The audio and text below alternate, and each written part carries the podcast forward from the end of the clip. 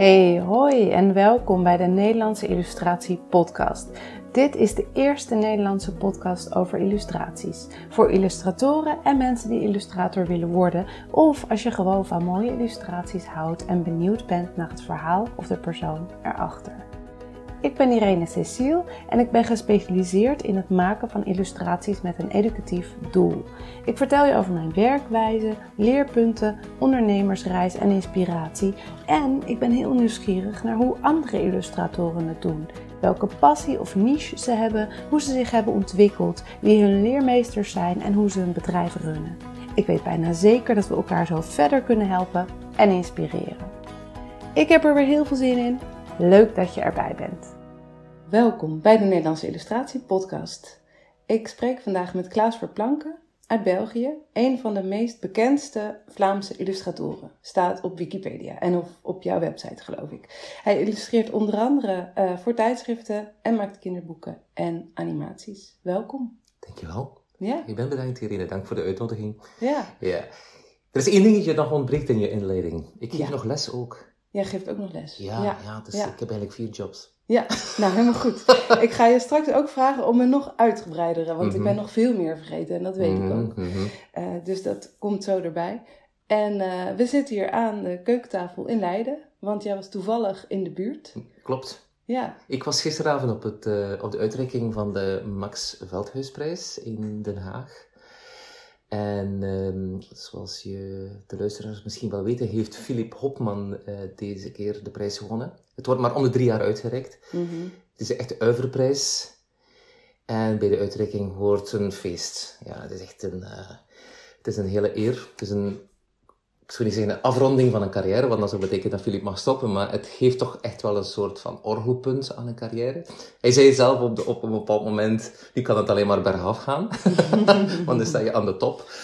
Eh, daar hangt ook een mooie heldprijs aan vast. Ehm, maar eh Filip is eh, al jaren een, een, een trouwe vriend van mij. Eh, niet alleen een vakgenoot, maar ook een vriend. Ehm, en ik wou er absoluut bij zijn. En het was echt, eh, echt de moeite. Echt helemaal... eh, het was een, eh, een, een, een, een, feest op het podium mm, eh, waar er gezongen werd, waar er eh, prachtige woorden zijn gezegd over Filip, over de jeugdliteratuur in het algemeen. Ehm, en waar iedereen gewoon gelukkig was met de laureaat. Ik denk Ja. dat iedereen op een bepaald moment dacht van... Eindelijk, Filip heeft de grote prijs te pakken. Ehm, en dat was, er, dat was er aan te merken. Ja. Er waren vrienden, familie, kennissen van, van ver ook soms. Eh, mensen uit zijn jeugdjaren. Ehm, het was eigenlijk compleet. Ja. En. Ted van Lieshout heeft een prachtig laudatio gedaan. Op zijn manier. Met een, een, eh, de perfecte mix van eh, ironie en, en, en lof. Ehm, en een serieuze soort van humor eroverheen. Het was echt eh, stand-up comedy op bepaalde momenten. Het is echt cabaret, eh, zou je het noemen, een cabaretprogramma. Mooi. Die twee kunnen echt een avondvullend programma maken. Eh, ik heb net, voor ik hier toe kwam, een Facebook-post gemaakt. Waarbij ik dacht: heeft jeugdliteratuur een podium en de wereld wordt een feest? Het wordt een beetje mooier allemaal. Hè? En daar gaat het dan eigenlijk om. Dat is Ja. wat we doen. Hè? Mooi. Ja, ja, Mooi. Ja, ja, ja. Dus er zit een gelukkig man aan tafel. Ja, Ja. ja. nou heel fijn. Ja. Nou, ik ga dat proberen zo te houden dan, dit Mhm. gesprek. Mhm. ja, kan jij je aller, allereerste opdracht nog herinneren? ja hoor. Ja? Eh, dat was eh, voor, eh, voor het Belgische leger. Mm, ja. Maar dat was niet echt een professionele opdracht in de zin, ik, eh, ik moet eventjes eh, uitleg geven aan de luisteraars. Ehm, toen ik nog jong was, was er nog verplichte legerdienst in, in België.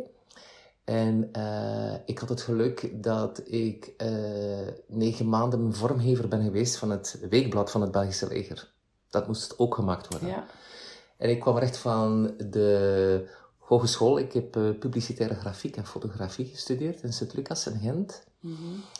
En eh, met die background, ik weet niet hoe dat gebeurt, maar heeft men toch een mooi zitje voor mij gevonden na fieldwork natuurlijk, want iedereen moet toch eventjes eh, in de modder. Maar na die opleiding heb- ben ik op een kantoor terechtgekomen en heb ik ehm, negen maanden lang elke week een magazine gemaakt van 24 bladzijden. Elke week? Ja, elke week. Een 24. weekblad. Wauw. Ja. Dus je kan je geen perfectere switch voorstellen van school naar praktijk. Ja. Uh, ik had een kapitein die eigenlijk de chief was van het magazine. Maar hij liet mij al het werk doen wat betreft layout, vormgeving, uh, keuze van de foto's. Mee naar de drukkerij elke week, proeven controleren. En toen bestond er nog geen Quark Express. Toen moest je nog de kolommetjes tekst echt uitknippen en de zinnetjes plaatsen op zo'n millimeter papier. Ja, ja. Ja, dus echt manueel layouten van, van een artikel. En hoe deed je het, überhaupt de typografie dan? Dus je, de, tekst, de tekst kreeg je uit, uh, uit, uit een zo'n soort, hoe heet dat weer, zo'n um, zo'n fotopapier waar de tekst op stond en die moest je uitknippen. En die moest je in de kolommetjes plakken op de grid. Dat was zo'n grid die op voorhand gemaakt was. We hadden natuurlijk een uh, basis. Iedereen werkt nog altijd met een grid als je een magazine layout. Ja. Um, en ik moest toen, ja, de bedoeling was dat ik de titels, de, de, de, tekstkolommen, ik kreeg één lange strook en die moest je dan verknippen en verdelen over de kolommetjes. Ja. En, en, dan kwam er een zinnetje te veel, oei, dan moest je naar het volgende kolommetje, dan moest je al die zinnetjes weer herplakken. dat is echt een, ja, een, een monnikenwerk bij momenten. Maar dat waren meestal foto's, maar op een dag kwam er een rubriek bij, de turnrubriek, om eh, de soldaten wat fitter te houden. En toen zei men, waarom maak je daar geen tekeningen bij? Teken die oefening. En uh, bij mij is toen een lichtje aangegaan in mijn hoofd. Want in Vlaanderen was er op dat moment nog niet echt zoiets als het vak van de illustrator. In Nederland staat men al veel verder. Jullie hadden al Fiep Westendorp en, en al de grote namen die we kennen van de, van de Nederlandse jeugdliteratuur. Vlaanderen stond op dat moment nog in zijn kinderschoenen wat betreft het mm. professionele omgaan met illustratie. Um, dus het vak of het beroep illustratie bestond überhaupt niet. Er was zelfs geen oh, opleiding. Ja. En ik spreek over de jaren 80. Hè? En, eh, en dat, dat is dan eigenlijk veranderd in de jaren 90 met, met figuren als uh, André Soli, Greggy de Maier. Um, nu vergeet ik waarschijnlijk wel uh, heel belangrijke namen, maar dat zijn nu de eerste. Dat zijn een beetje de peetvaders van de Vlaamse illustratie. Ja. Die er al waren toen ik, uh, toen ik begon. En... Maar dat verbaast me wel, omdat België natuurlijk wel zo'n grote stripcultuur heeft. Strips wel, maar niet illustratie. Nee. Ja. ja. Dus het illustreren van boeken of het illustreren van magazines en kranten ja. was op dat moment echt nog onbestaande. Wel zo wat links-rechts zo, maar dat was zo eerder hobbyachtig. Uh, ja. Maar om het echt aan te zien als een vak, dat bestond niet. Nee. nee. Je had toen wel al de educatieve tijdschriften van Averbode zonnestraal, zonnekind, beetje wat jullie hier hebben met... Ah, nee, hoe heet het hier? Volgens mij eh, hebben wij ook Avrobode. Dat is toch ook... Zonnestraal, zonnekind, Doremi, Dopido. dat weet ik, ik denk wel dat ze ook wel op de Nederlandse... Maar, maar jullie hadden ook educatief uitgeverijen. Hè? Ik heb dan eigenlijk ook veel voor Zwijsen gewerkt.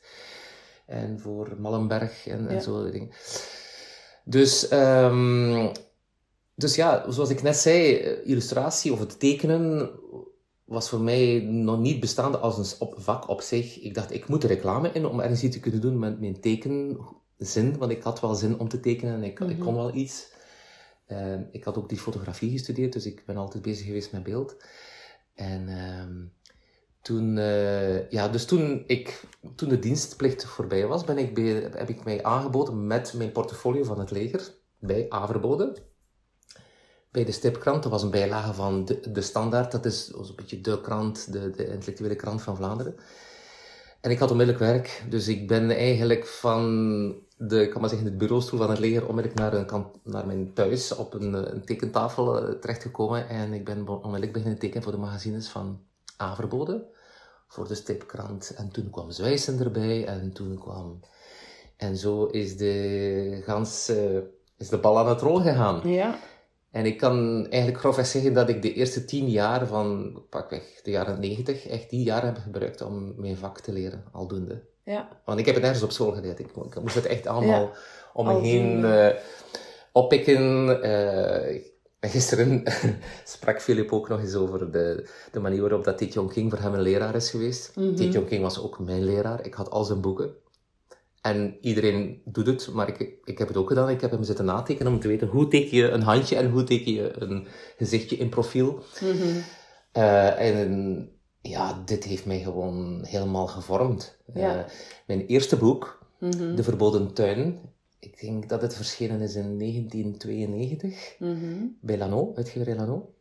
Daar zie je nog heel erg de invloed van Tetje King. Dat zijn zwart-wit tekeningen. Ja. Want uh, het standaardwerk, uh, soms vraagt mij wel eens, Klaas, wat is jouw, het boek der boeken voor jou? Dan zeg ik altijd Kleine Sofie en Lange Wapper. Ja. ja. Dat is, ik heb dit bekeken tot, ja, tot in elke detail, hoe je met arceringen licht kan maken, hoe je figuren laat bewegen, hoe groot je een figuur in een landschap zet. Ja. Dat was mijn leerboek. Dat was echt mijn leerboek. En ik, ja, ik vind dat nog altijd een van de meest vernieuwende boeken van op, op dat moment was het echt vernieuwend. Dat was mhm. een combinatie van tekst en beeld dat je nog niet gezien had. Het was ofwel altijd veel tekst en een klein beetje beeld, of een prentenboek, maar dat was echt heel evenwichtig. Ja. En ook echt elkaar aanvullend. Ja, ja echt een, Dat, was echt een, dat was een compleet boek. Dat is echt een standaardwerk voor mij. Ja, ja. En nog even terug, Ja. want eh, wie, eh, eh, Ik ga heel snel door de tijd. nou, ja, ik je heb hem weet je hier. bent een fijne prater, Ik- daar hou ik van. Ja. Een vraag kan een lang antwoord krijgen. Helemaal, daar, daar houden interviewers van. Dus dat is helemaal goed. Maar wel weer even, want ik had ook beloofd dat jij je nog even zelf mocht voorstellen. Oh ja, dus we zijn nu begonnen bij het begin. Waar ben je, wat heb je allemaal gedaan in de jaren daarna? En dan gaan we daarna de, het middenstuk invullen. Oh ja, ja, precies. Oh, eh, wat ik allemaal heb gedaan. Ehm, ja, ik, ik ben dan eh, vooral eh, heel lang bezig geweest met kinderboeken. Mhm. Eh, tien jaar, van 2000 tot 2010, heb ik eigenlijk bijna alleen maar kinderboeken gemaakt, juist boeken geïllustreerd. Omdat dat ook ja, de meest. Dat was ook het meest eh, uitdaging, dat, dat kwam ook automatisch op mij af. Ehm, en, maar ik heb dan vrij snel ook beseft van illustratie is niet enkel voor kinderen. Ik heb dan ook heel snel ook acht opdrachten aangenomen voor volwassenen. Ik heb erotische fabels geïllustreerd. Ik heb Tijl Uilspiegel geïllustreerd. Ik heb een eh, graphic novel gemaakt met eh Annelies Verbeke, Tirol Inferno. Eh, dus ik heb eigenlijk alles onderzocht wat te maken heeft met beeld en hoe je met beelden communiceert. Ehm, en dan na, na die hele lange periode met de jeugdliteratuur bezig en literatuur bezig te zijn, ben ik eigenlijk een beetje teruggegaan naar mijn beginjaren. Want dat heb ik nog niet verteld. Ik heb ook in de eerste jaren na mijn legerdienst drie jaar in een reclamebureau gewerkt. Ja. Als art director. Mhm.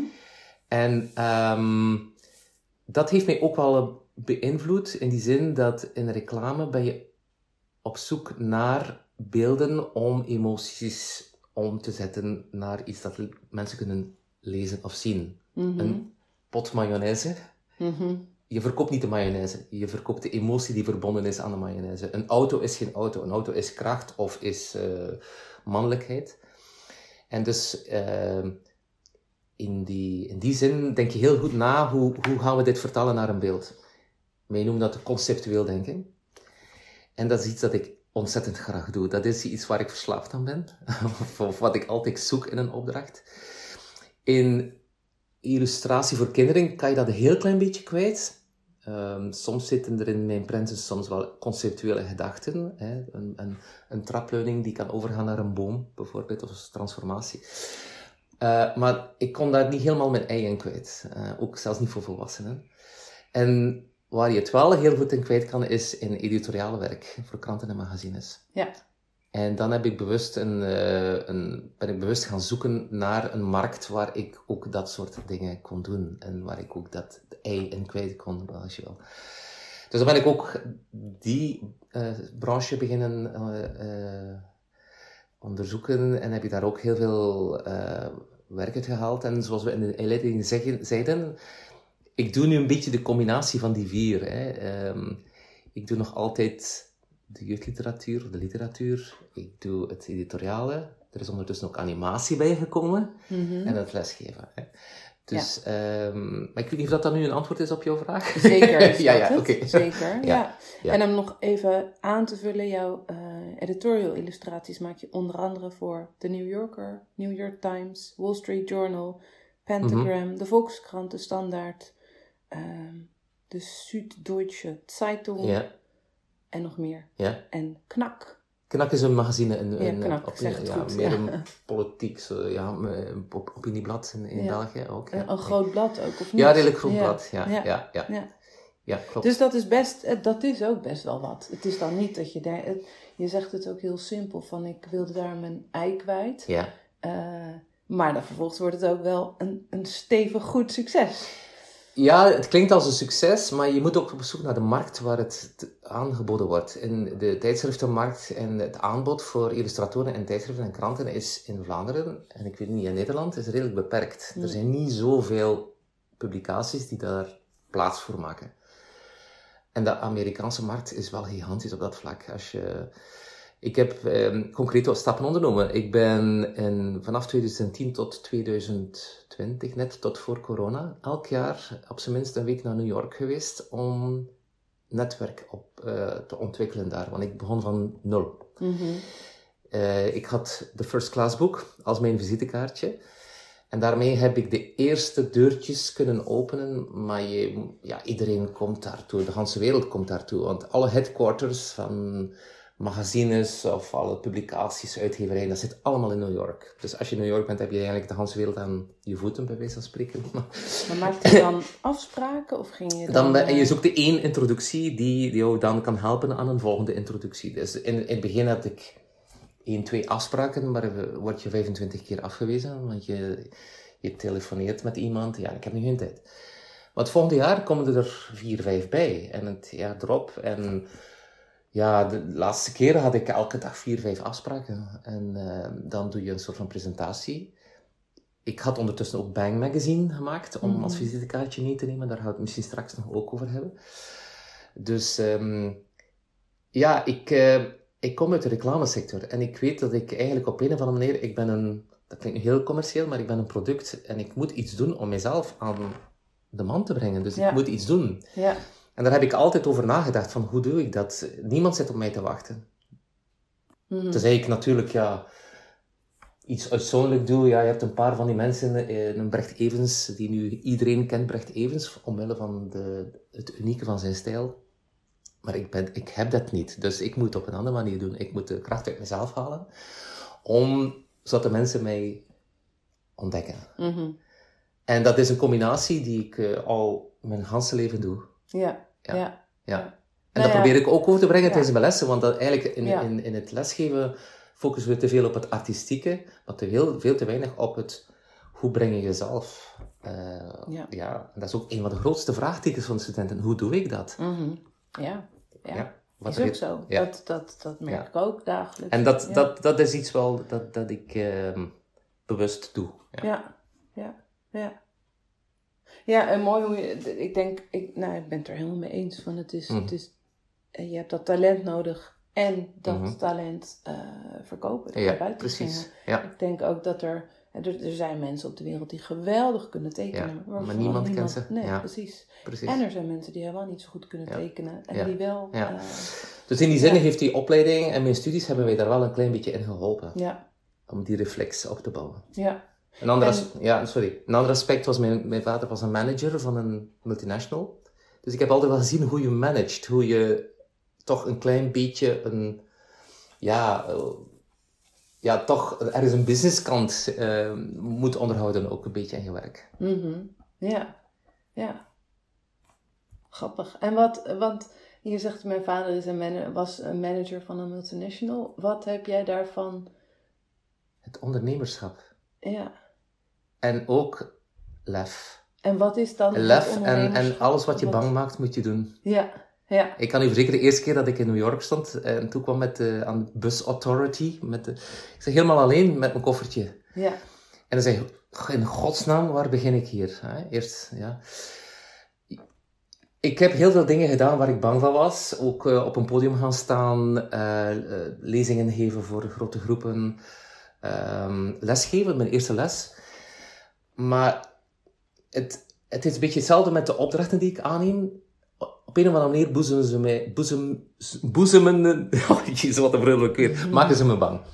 Ja. En, en dan denk ik van, op een, ja, het is, het is heel raar, maar dat trekt mij aan. Ja. Ja, het, is, het is verslavend leuk. Als je een opdracht krijgt van de New York Times, dan is dat, we moeten binnen 15 minuten weten of je het doet binnen een uur moeten we schetsen hebben en binnen zes uur moet die tekening klaar zijn. Dus voor de, op, één, op één pagina. Mm Als je dat leest, denk je van, my god, je wordt onmiddellijk stressed. Je gaat onmiddellijk flippen in de eerste minuten. En dan denk je, hoe. Maar net dat dat is de drive waarvoor ik het doe. en, en dus de andere dingen die ik gedaan heb in mijn leven, ze waren allemaal net hetzelfde. Iets van, dit, kan ik dit? Het, het is een beetje dezelfde kick die een bergbeklimmer heeft als hij de top bereikt. Ja. Je staat daar voor die berg en je denkt van, dit gaan we nu doen. Ja, stapje voor stapje. Ja, en dat is, eh, dat is mijn gelukshormoon. En, en dat is net het, eh, ook een beetje de, het probleem dat ik, wat mij gelukkig maakt, is ook mijn beroep.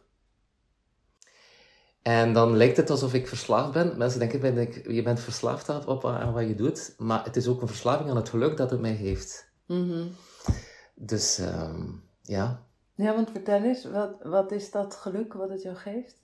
Wat, dan, dan voel dat wat ik net vertelde, dat je dus eigenlijk het, op een bepaald moment niet het succes dat eraan vasthangt. Dat, is, ja, dat klinkt nu heel flauw. Eh, succes is natuurlijk leuk, maar als je een tekening af hebt en die kleuren kloppen allemaal en die compositie en je kijkt ernaar van het is gelukt, Mhm.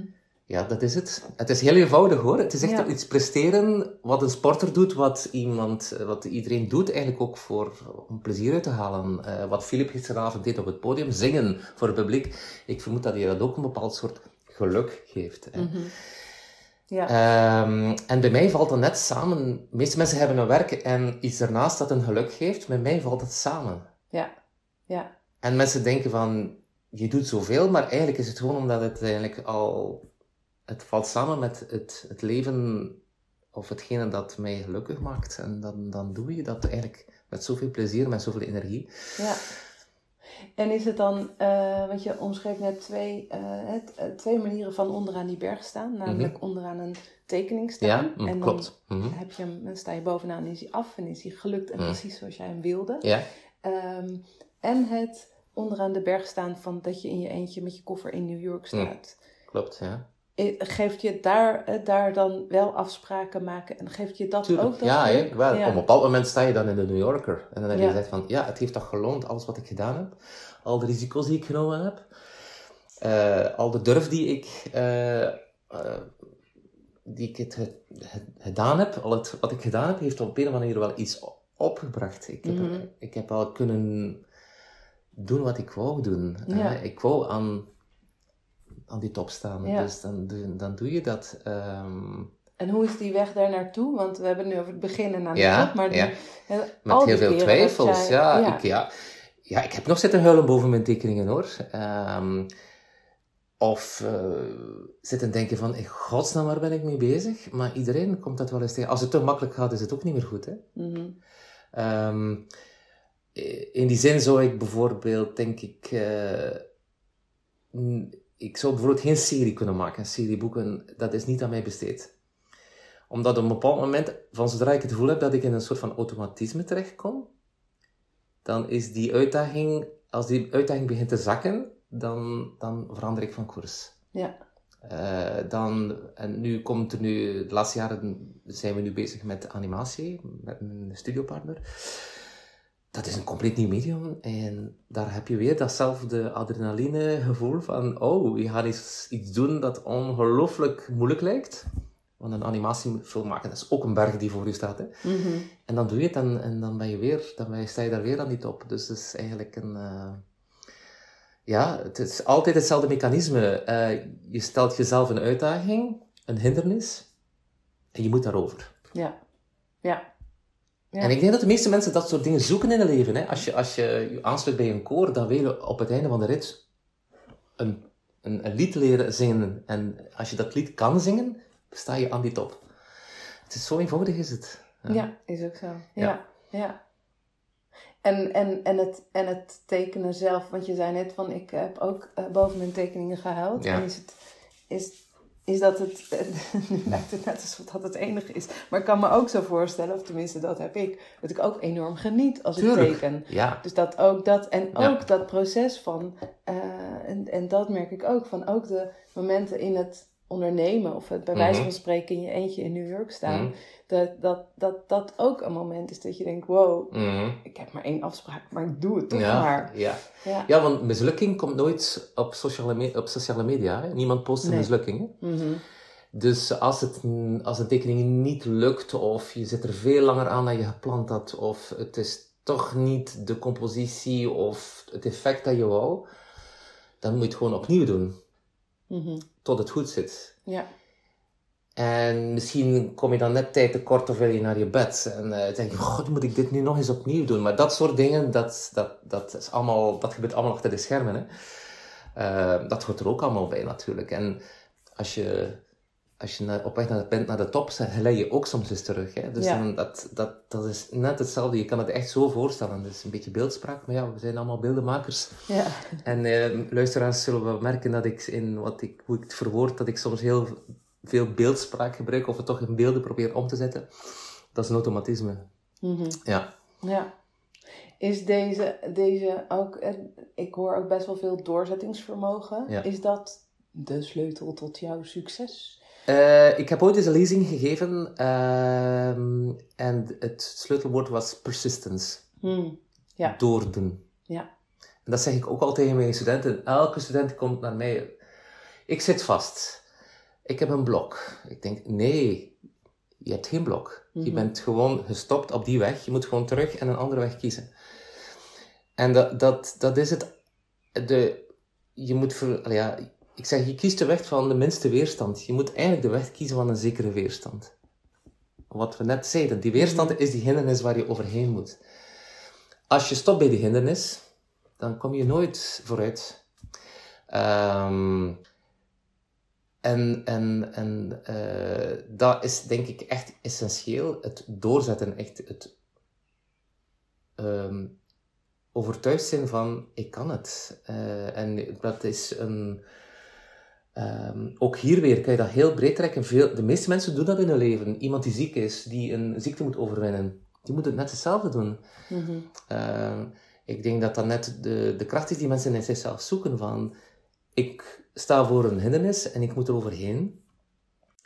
Als je dat, als je dat telke keer over vermijdt, dan ga je eigenlijk je- jezelf ook niet meer gaan waarderen. Ik denk als je van jezelf weet van ik kan dit soort dingen, dan heb je ook wel een zeker zelfvertrouwen. Dat geeft je ook zelfvertrouwen en dat is ook wel essentieel om door te doen. Hè? Ja. Vandaar. Ja. Ja. Ja. Ja. Nou, en om nog even verder te gaan op dat, dat stuk van hè, dat je studenten zeggen: Ik zit vast. Hm. Ehm, herken je dat, dat stuk zelf soms? Of heb jij dat eh, als je bezig bent met een tekening? Ja, tuurlijk. Ja. Maar dan denk ik van, oké, ik zit vast hier, ik ga terug en ik kies een ander traject. Ik ga Ja. een andere piste doen. Ik, Ja. ik probeer iets anders. Maar als zij afkomen met één schets en zeggen, ik zit vast, dan denk ik van, bullshit. Je zit Mhm. niet vast. Je bent gewoon, sorry dat ik het zeg, maar je bent te lui. Ja. Ja. Opnieuw. Ja. Nee, ik, word, ik gebruik het woord opnieuw nooit. Want dan zeggen, soms hoor ik dat dan ook eens van de studenten. Moet ik dat dan opnieuw doen? Nee, dan zeg ik, je gaat verder. Als je een tekening opnieuw doet, dat doe je niet opnieuw. Je gaat verder. Mhm. En, dat, en die beeldspraak, dat idee van ik moet terug, hè, zoals in een spel, hè, ik moet terug naar start, bij wijze van spreken, dat is het niet. Nee. Je stapt een stapje opzij en je, gaat- je zet een stapje opzij en je gaat vooruit op een ander spoor. Ja. Daar gaat, zo Ja. moet je het bekijken. Want die ervaring neem je mee. Tuurlijk. Ja. Ja. Ja. Mooi. ja. Ja. Ehm, teken je al je hele leven? Nee, want je bent dus eigenlijk begonnen. Ja, op dat is, ja ik, ik had, mijn, o- mijn overgrootvader was eh, portretschilder. mijn grootvader was architect en amateurschilder. Mijn meter was een eh amateur kunstenares. Dus ik heb wel wat artistieke genen. Mhm. Ehm, maar zoals ik al zei, toen ik eh, moest een studie kiezen ehm, en ik wou iets doen met het artistieke, en ik heb het altijd graag getekend. Maar ik ben niet te veel tekenaar. Ik heb niet de ehm, boekjes vol met eh, krabbeltjes enzovoort, want dat komt misschien straks ook ter sprake. Ik ben meer een denker. En voor Mhm. ik begin te tekenen, heb ik alles al klaar in mijn hoofd. Dus ik ben niet de, de, die, de persoon die op reis continu doodles maakt en reistekeningen maakt. Nee. Nee. Ehm, dus ik heb dat nooit gedaan, maar ik heb wel altijd iets willen doen met tekenen, met creatie, met ehm, het creatieve, eh, het kunstige. En ja, omdat illustratie op dat niet- moment niet bestond, was het fotografie en, en reclameontwerp. Ja. Ehm, en het, het, het illustratieve is er eigenlijk nadien gewoon uitgekomen. Mhm. Mhm. Dus ik heb mijn ding gevonden. Ja, ja, mooi. ja, ja. ja, ja. Dus, eh, Nou, en ik zie, ik zie dan ook eh, soms op je website of in, je, in eh, de First Class boek ja. er staan ook veel schetsen en dan is de uitwerking echt exact die schets. Ja. dat ook heel grappig. Nou ja, wat je net zei, van ik ben meer een denker. Ja. Ehm, zie ik dat dan goed voor me dat je het eerst echt helemaal in je hoofd Ja. al schetst en bijschaaft. En pas als het in je hoofd af Mhm. is, dat je hem dan... Klopt. Ja. Ja. Ja, het moet helemaal af zijn. Eh, nu, ik heb de laatste tijd wel... ehm, ik ben ook een grote fan van Christophe Niemann. Ik heb hem ooit ontmoet en die heeft mij ook in New York... Ja. heb ik hem ontmoet. En eh, daar had ik ook wel kleine vrees voor. Eh, probeer maar eens een mail te sturen naar Christophe Niemann. Maar hij, al bij al... Finaal bleek het wel een heel eh, toegankelijke man te zijn. Eh, iedereen kent... Die heeft 1 miljoen volgers op Instagram. Dat is de... Dat is mijn, ook een, een van mijn grote voorbeelden, ook van mijn idolen, omdat hij ook zo veelzijdig is en, en, en smart en, en witty en intelligent en zo. Ja, want heel even eh, voor de luisteraar, ik zal even een linkje eh, in de show notes zetten. Ja. Maar als ik het goed heb, hij is diegene die met schaduwen speelt, toch? Onder andere, maar Onder hij andere, heeft ja, ook heel veel dingen, hij maakt heel veel covers voor de New Yorker ook. Ja, ja, nee, dat we Ehm, is goed bevriend Ja. met Nicolas Blechman. Nicolas Blechman, die creatief directeur is van de, de New Yorker. Ah, oké. En dus wat ik net zei, introductie. Ja, Christophe Niemann heeft, zonder dat ik het wist, Nicolas Blechman aangesproken en zegt, ik heb Klaas ontmoet hier in New York, je moet hem eens spreken. oh ja. En zo gaat die deur open. En dat is Ja. wat ik net zei, dat is Ja. dat schaakspel, of nee, het is geen schaakspel, het is een dominospel, waarbij de dingetjes beginnen te vallen. Als je... Maar je moet je stoute schoenen aantrekken. En zeg, zo'n oh. Christophe Niemann heb je dus gemaild en gezegd, Ja. Ik ben dan en dan in New York, Ja, zou ik bij je langs en ik heb een soortgelijk probleem als eh, het jouw, daar gaan we het straks misschien ook over hebben. Ik heb een portfolio met heel veel stijlen. Mhm. En ik krijg daar van de ene kant kritiek op en de andere kant zegt men tof. Jij doet dat ook. Hoe komt dat? Kunnen we daarover praten? Dus ik had een concrete aanleiding om even eh, iets te bespreken met hem. En hij vond dat een heel interessant onderwerp. En, en dan hebben we twee uur in de Pain Quotidien in New York zitten praten over van alles en nog wat. En daar heb ik ontzettend veel geleerd. Ja. Ontzettend veel, ja. Daar heb ik alles geleerd. Ja. Ja. Eigenlijk was dat een, eh, een, hoe heet dat, een spoedcursus eh, internationaal werken. Mhm. Ja. Want hij is ook art director geweest van de New Yorker, tijdelijk, en de New York Times. En daar heb ik geleerd van, als illustrator moet je ook eens wat je doet bekijken van het standpunt van een art director. Ja. Als je dit zou binnenkrijgen, of je werkt met, je- met jezelf samen, hoe zou je dat wel willen? Wat heb je nodig? Wat zoek je als art director? En dus als ik werk, maar dat heeft ook, ook met boeken en zo, dat is net niet alleen mijn kranten en magazines, maar eigenlijk moet je je voorstellen dat aan de andere kant van je werk staat er iemand die daar iets mee moet doen. Mhm. Dus je moet je altijd voorstellen van wat ik maak. Stel dat ik nu op die andere stoel zit aan de andere kant van de tafel en ik krijg die tekening binnen, hoe kan ik daarmee verder? Ja.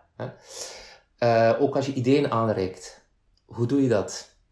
Ik probeer altijd een klein beetje aan te geven hoe ik geredeneerd heb, wat de bedoeling is.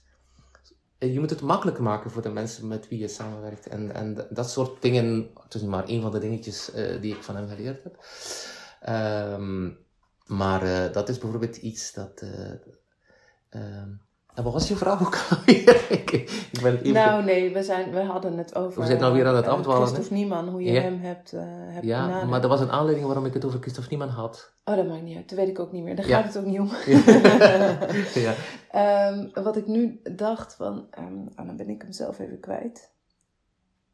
Mm, nou ja, heb je een concreet eh, voorbeeld uit die tijd? Hè? Want je hebt toen dat gesprek gehad met die Christophe. En die Mhm. zei jou van... eh, kijk ook eens uit de, door de ogen Mhm, van die mhm. art director. Had je toen... Dat je toen met die ogen weer naar je eigen werk kon kijken. En dat je dacht, ah, dit moet ik anders doen. En zo ja, wat was dat? Of...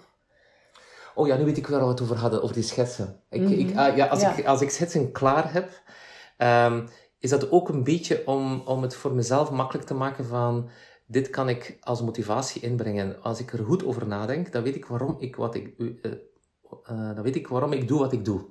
Ja. Ehm, dat is ook altijd een criterium voor mijn studenten-evaluatie, is altijd waarom doe je wat je doet. En als je echt een hele goede argumentatie hebt, dan kan, je, dan kan alles, als het klopt in de, in de, in de denkwijze die erachteraan zit. Eh, en dat probeer ik ook duidelijk te maken. Daarom, ehm, als het voor mij al klaar is in mijn hoofd, dan weet ik ook hoe ik kan argumenteren. Dan weet ik ook hoe ik kan zeggen waarom ik het gedaan heb en waarom het, denk ik, goed zou zijn vanuit het standpunt van de art director. hè. Ja. Snap je? Ehm, En dan is het voor mij ook een safe haven. Dan is het ook iets van, dit zit goed, hier, hier kan ik mee verder. Ehm, maar het is wel zo dat ik dan eigenlijk mezelf altijd voorneem van, het kan goed zijn, maar ik moet nog twee, nummer drie of nummer vier hebben. Want ik wil zeker zijn, je kan alleen maar weten of iets, of iets goed is als je het kan vergelijken met iets anders. Mhm. Dus dan doe ik toch nog altijd mijn best om, ehm, om, de, om toch nog dingen bij te maken. En dat was het punt waar ik op toe komen. Ik heb wel de laatste tijd, en dat heb ik geleerd van Christophe, eh, ga ik toch aan tafel zitten, al heb ik geen idee. En begin ik toch op een of andere manier iets te doen. Want dat zegt hij ook in zijn lezingen.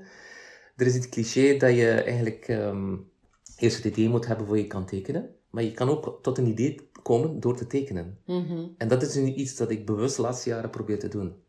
Eh, om, ja, toch ergens het productieproces toch wat, ja, ehm, anders in te richten. Om ook weer eventueel nieuwe dingen te ontdekken. Ehm, dus ik ga soms wel echt eens voor het witte blad gaan zitten. En, en, Ja. Maar ik heb wel toch ergens een aanknopingspunt nodig. Een soort van object of een soort van startpunt waarbij ik dan weer verder kan. Ja, ja, Ja. ja. En ik kan me ook voorstellen als je inderdaad eh, gewoon begint te tekenen zonder idee, dat je dan Ja. ook meer het toeval Ja, toelaat in je werk. Ja, je- maar dat zijn dan de doodles, hè? Dat is dan eigenlijk wat je doet als je telefoneert. En Ja. eh, dit kan ik niet. Nee. Dit kan ik echt niet. Nee, Nee, nee, nee. Daarom kan ik ook geen abstracte dingen maken.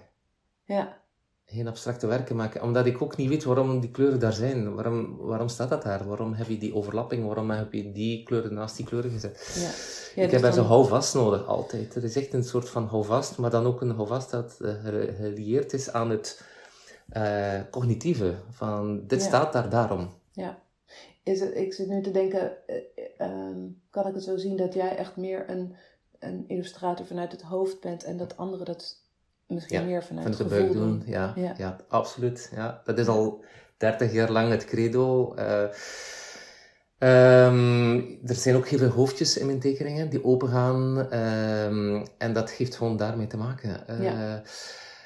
ja, ik probeer het, het, het intellectuele, het cognitieve met het emotionele te verbinden. Maar het cognitieve vertaal ik als inhoud, storytelling Mhm. als je iets maakt, moet er inhoud in zitten. Ik kan niet anders. Als je, als je, ehm, anders is het papierverspilling. Sorry dat ik het zo zeg. Jij mag alles zeggen. Ja, ja, maar voor mij is het zo. Ja. Ik denk, als je de kans krijgt om een, om een pagina te maken in een tijdschrift, dan moet je iets vertellen. Ja, Dan moet je Ja. echt eh, iets meegeven dat op een of andere manier bij sommige mensen binnenkomt als een soort van eh aha-erlevenis, als een oplossing, als een eh, comfortgevoel. Alles, eh, bij iedereen komt het op een andere manier binnen, maar je moet het op, ja, ik vind dat je het echt moet gebruiken. Je kan, het, het, is ecologie, in zekere Ja. zin. ja. Gebruik elke vierkante centimeter. Eh. Ik zie, ik, ja, ik, sommige illustratoren zenden werk naar mij, zo van jonge mensen die beginnen van, geef eens jouw mening.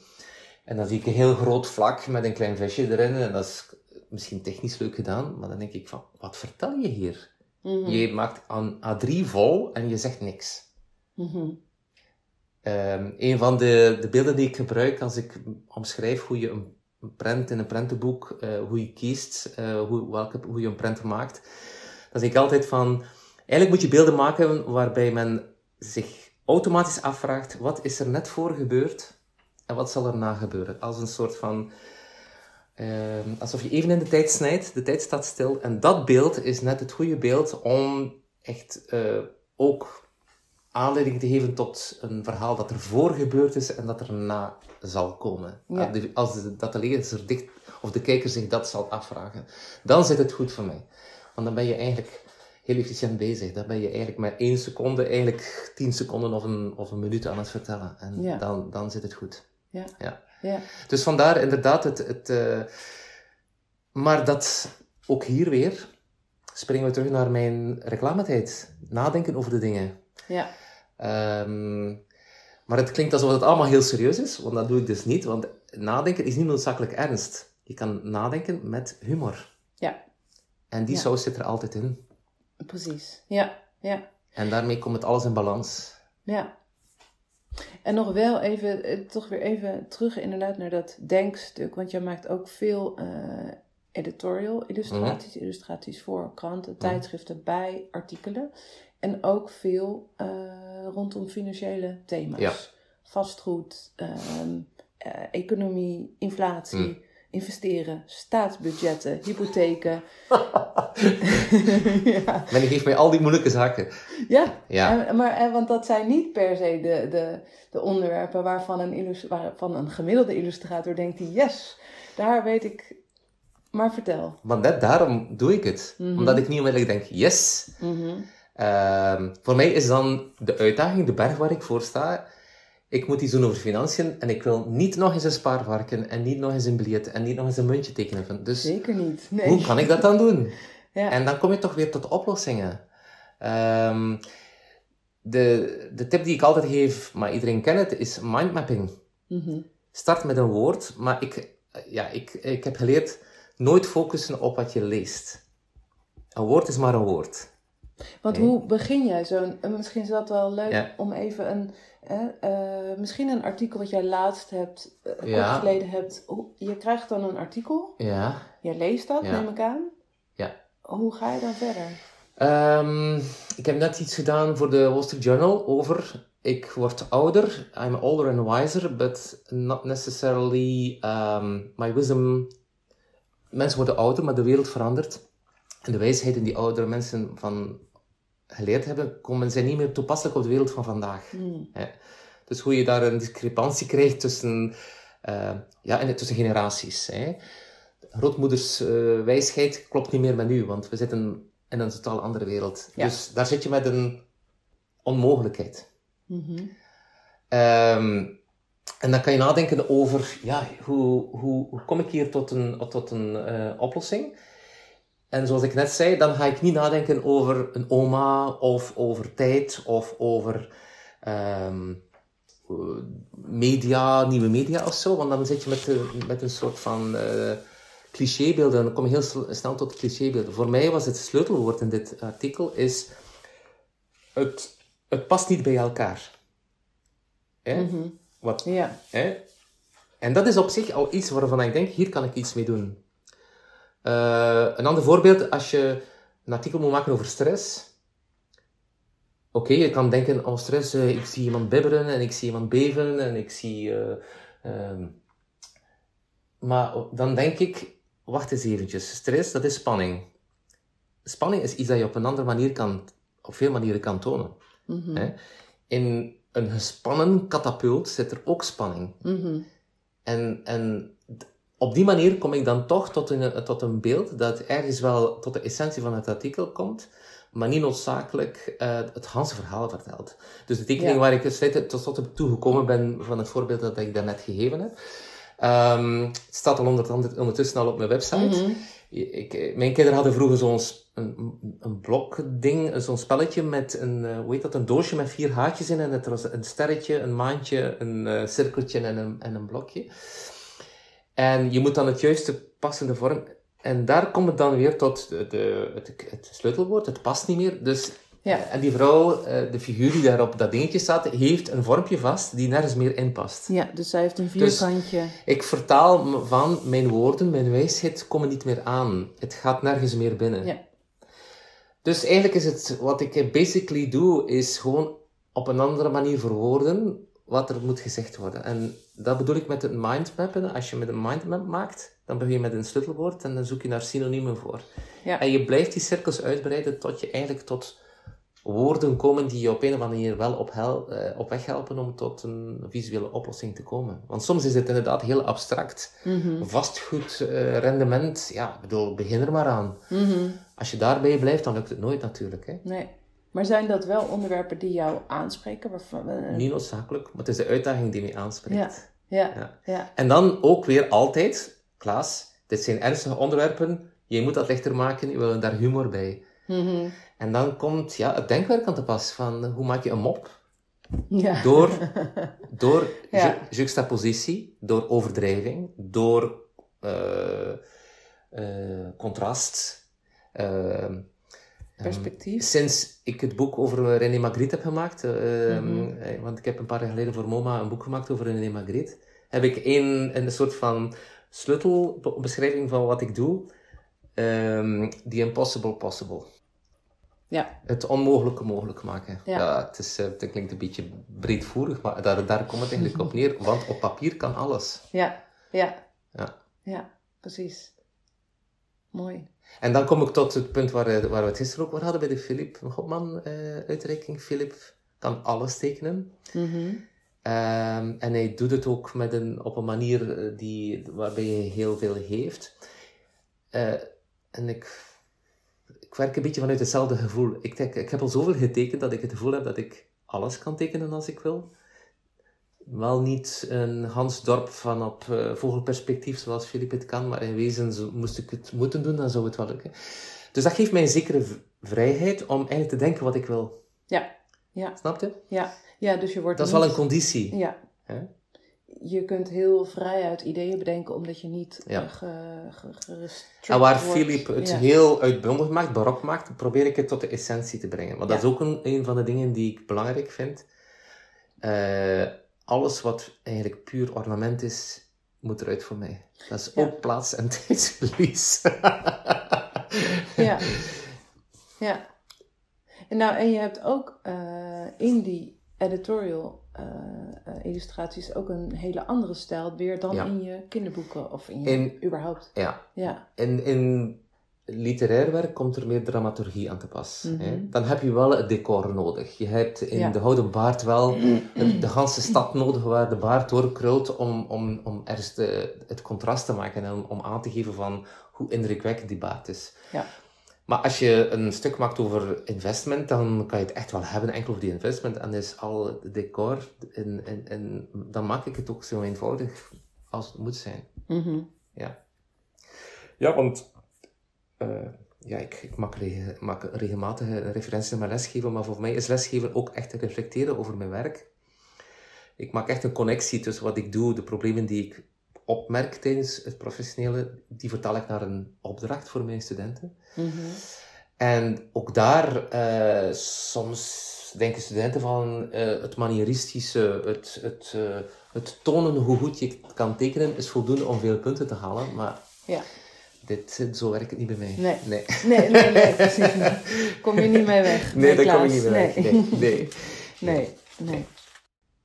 Nog eventjes, want je vertelde van hè, dat, dat, dat ondernemen, dat zat er al eigenlijk al heel snel in. Maar was dat, eh, ehm, toen je begon als zelfstandig ondernemer, was dat ook dat je denkt, hé leuk, nu word ik ondernemer? Of was het vooral, ik word illustrator en dat hoort er een beetje bij? Dat Ja. is een, Ja, dat is geleidelijk aangekomen. ja. Ja, omdat het ook altijd maar ingewikkelder werd. Mhm. Eh, omdat ik ook zoveel dingen wou uitproberen, moest ik mij op een of andere manier organiseren. Ehm, en als je dan echt plannen begint te maken, zoals hè, ik ga naar New York, dan moet je ook wel denken van, oh, ja, maar wat neem ik mee en, en wat ga ik gaan doen? Dus uiteindelijk het, eh, het zakelijke aspect eh, is eigenlijk een beetje vanuit noodzaak erbij gekomen, omdat ik ehm, ook, ja, ik, eh, financieel moet je beginnen organiseren, je moet de boekhouding beginnen doen en dus dan, ja, dan ben ik toch eh, de praktische zaak ook wat beginnen organiseren. Want in het begin is het inderdaad ehm, tekening, factuurtje, tekening, factuurtje, tekening, factuurtje. Maar eh, ja, je, moet, je hebt dan een kantoor nodig. Je begint uit te breiden, je werkt met iemand samen. Dus dan moet je toch dingen beginnen ondernemen. Hè? Dan moet je toch... Mhm. eh, je, op een bepaald moment had ik heel veel werken en, en ik wou een ruimte waar ik die ook kon tentoonstellen. Dus het, het archief wordt altijd maar groter. Ja. Dus dat is eigenlijk, dat is nooit de, de, de initiële bedoeling geweest. Ehm, maar eh, het is er ook mm, ja, bijgekomen. Mhm. En ja, ergens vind ik het, ehm, het zakelijke aspect ook wel spannend. Om, om onderhandelen over een contract bijvoorbeeld. Als je dan voor MoMA zo'n boek maakt, dan krijg je zo'n contract in het Engels van 10 bladzijden. Dan moet je echt Dus dat zijn de dingen die er allemaal bij komen. Als je echt Mhm. denkt van, eh, ik wil naar New York, dan, of ik wil dit, of ik wil dat, dan moet je alles erbij nemen. Dan, dan moet je niet zeggen, ja, maar wacht eens eventjes, eh, als dit erbij komt, dan doe ik het niet meer. Nee, dan, dan doe je het. Mhm. Dan, dan moet je dit organiseren. Ja. En eventueel de hulp inroepen van andere mensen ook. Hè. Ja, want, want, want je vertelde net van, eh, dat je inderdaad op een gegeven moment bent gaan samenwerken. Hoe is dat dan gegaan? Of hoe... Ehm, eh, je bedoelt met eh, die animator? Eh, dat je, dat je, je, had, je, je, hebt, je deelt een kantoor met iemand, of Ja, met een animator. Ja, Oh, met met iemand die animatie doet. Oh, ja, ja, ja, ja, ja, Ja. ja. Dus we hebben... ehm, eh, ja, het is ook mijn privépartner. Dus uiteindelijk, het is, eh, op die manier is het wel gezellig. Ehm, en ehm, omdat hij al een, ah, die had al een background met animatie, weliswaar beperkt. En eigenlijk hebben we op een bepaald moment beseft dat onze krachten op een of andere manier tot eh, iets nieuws konden leiden. Ehm, dus, en animatie leek voor mij, eh, leek mij ook een fantastische toevoeging aan, aan, aan ons portfolio, want veel klanten vragen het gewoon letterlijk. Ja. We hebben een, een, een illustratie en een geanimeerde versie voor de digitale versie van ons krant of ons magazine. Dus uiteindelijk ehm, is het uit pure noodzaak ook. Mhm. En nu is het echt een meerwaarde, omdat we ook specifiek opdrachten krijgen die te maken hebben met animatie. Of die starten vanuit animatie zelfs. Ja. Dus, ehm, Ja. En het noodzaakt mij ook om na te denken van hoe ik bepaalde dingen teken. Want je kan niet elke tekening animeren. Je moet er ook soms rekening mee houden van dit beentje moet echt wel een knie hebben. Ja. En, en, want ik durf nogal eens vervormen in mijn Mhm. in figuratie. En dan, eh, en dan zegt de animator, ja, maar er zit geen knie in je been. Of eh, dit is veel te kort, ik, die kan nooit stappen, want die beentjes zijn veel te kort erop. En, en dat soort dingen, daar, daar moet je dan wel rekening mee houden. Ja. Ja. Eh, maar dat is, dat is echt ook wel weer een, eh, een nieuwe soort uitdaging die, die, heel, die heel verrijkend is. En als je het ziet bewegen, is het altijd ook weer zo'n geluks... hor- hormoonmoment. Dus Mhm. eh, ja, dan, eh, dan komt dat er ook weer bij. Ja. En, het, en, het, en de animaties die je maakt zijn wel ehm, eh, op de een of andere manier blijven het illustraties, maar het zijn Ja. dan bewegende illustraties. Ja. Want het zijn geen, Ja. geen een minuut uitleg. Het is echt dan. Nee, nee, het is echt storytelling. Hè? Dus Ja. echt, eh, echt de dingen die... we hebben nu recent voor een museum ehm, een introductiefilm gemaakt van drie minuten. Oh, oké. Ja, Ja. En, ehm, het is een, eigenlijk een... Het, het is in Brugge, eh, het, een nieuw museum over de Bijbel. Mhm. Wat op zich wel een behoorlijk ernstig onderwerp is. eh, een intellectueel onderwerp. En men heeft ons echt gevraagd om daar een soort van luchtigheid, een soort van vrolijkheid aan toe te voegen. En om de mensen eh, bij het binnenkomen in de juiste mindset te brengen. Ja. En het, het sleutelwoord is durven. Durf je. Want profeten, mensen uit de Bijbel zijn allemaal mensen die op een of andere manier het begane pad hebben verlaten en eh, zichzelf eh, kwetsbaar hebben opgesteld. En dat was het overkoepelende thema. Mhm. En dan, ja, dan komen we, het weer, dan komen we bij het gesprek van daarnet. Dan ga ik conceptueel nadenken over wat is durven en hoe kunnen we, wat kunnen we daarmee doen. En eh, dat hebben we uit, uitgewerkt in een storyboard van drie minuten. Ehm, eigenlijk gaat het over een personage, een, een redelijk inwisselbare, perna- niet zo gedetailleerd, maar iedereen zich wat kan in terugvinden.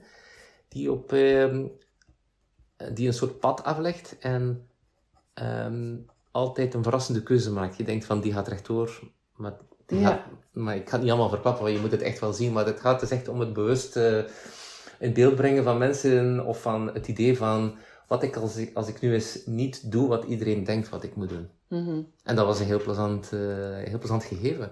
Ja. Omdat je daar ook weer heel breed mee kan gaan. En, eh, en wat ik daarnet zei over het idee van stress of van, of van investeren of van geld verliezen of whatever, is eigenlijk net hetzelfde. Durven. Hoe ga je dit gaan visualiseren? Dan moet je weer die mind Ja. map beginnen maken en dan kom je er wel weer. Ja. Ja.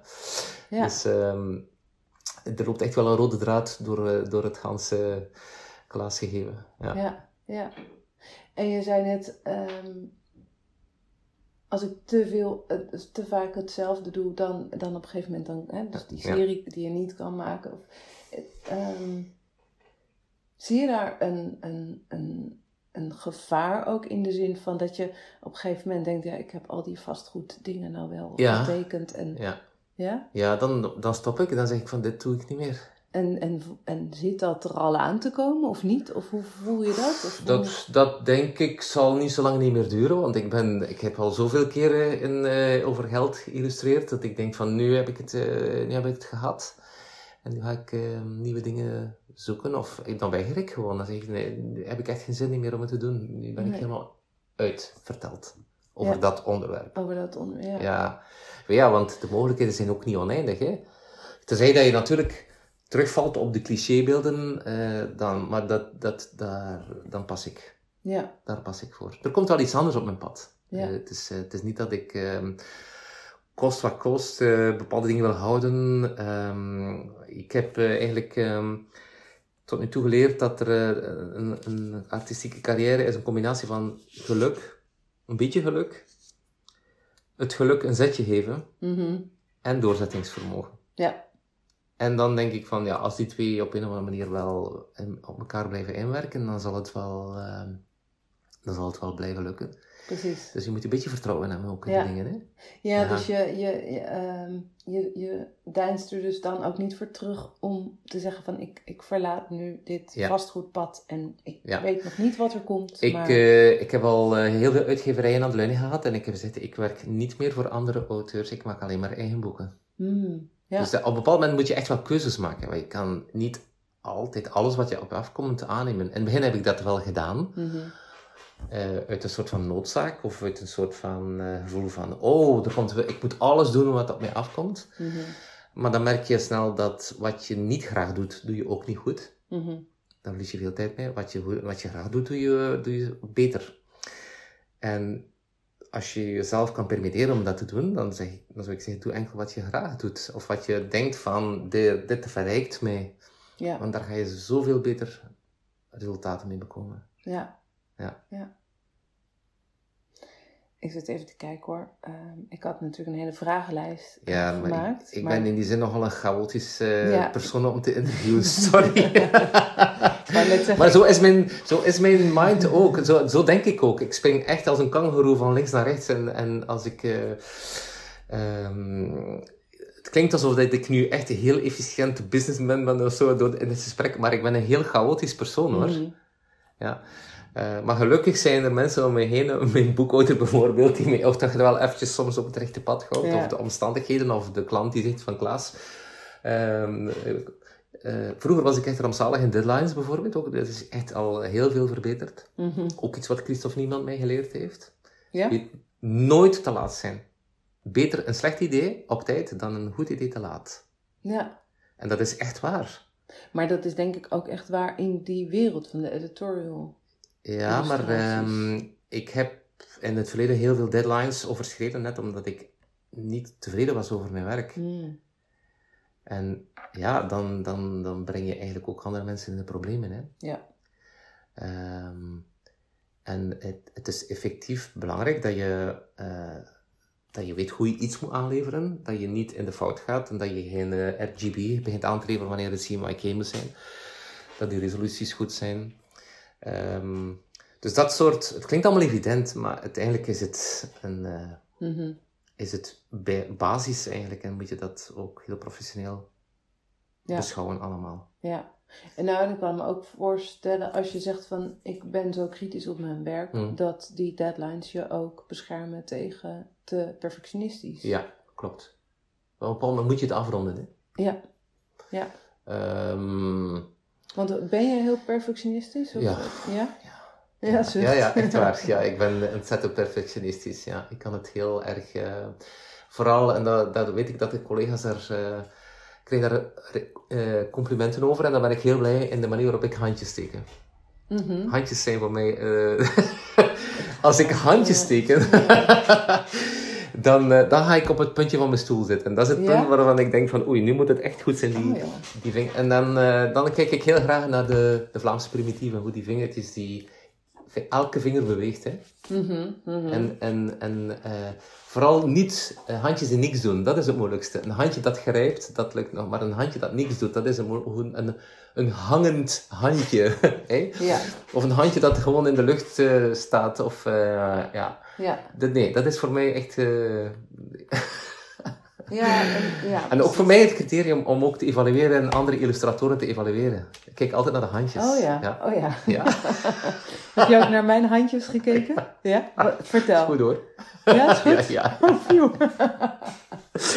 Ja, Maar eh, er zijn trucken in. Je stopt ze in een broekzak, je doet een wandje aan of eh, ze hangen achter de rug Ja. of zo. Dan kan je het ook nog oplossen. Hè? ja, vroeger deed ik dat altijd. ja. Handjes achter de rug. Ja, Ja.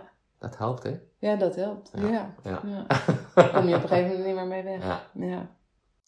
Ja, weet je wat, een hand is moeilijk omdat er zoveel lijntjes naast elkaar komen te staan. Hè. Je moet echt de, de, Mhm. twee rand, de, de twee zijkanten van een vinger doen en dan wordt het soms een warboel. Hè. Mhm. Ja. En, eh, Gaat het dichtlopen? ja, dan- eigenlijk is dat een soort chore- choreografie in hand. Je moet dat echt aan ontwerpen. Hoe dansen die vingers ten opzichte van elkaar? Ja. En hoe klein ook, het moet er zijn. Ja. Ja. Eh, maar het kan ook helpen om, om een beweging, om een body language te gaan sterker te maken. Dus eh, voeten en tenen zijn nog moeilijker, maar die kan je veel in schoenen stoppen. Hè? Dus die moet je niet zoveel tekenen. Maar nee, de handjes, dat is echt eh, altijd het, eh, het zenuwmoment voor mij. ja. Nou ja, en waar jouw perfectionisme zich dus eh uit. ook. Ja, maar Ja. iedereen weet het, hè? The devil, or voor wie wel, God is in the detail. Mhm. Mhm. Ja.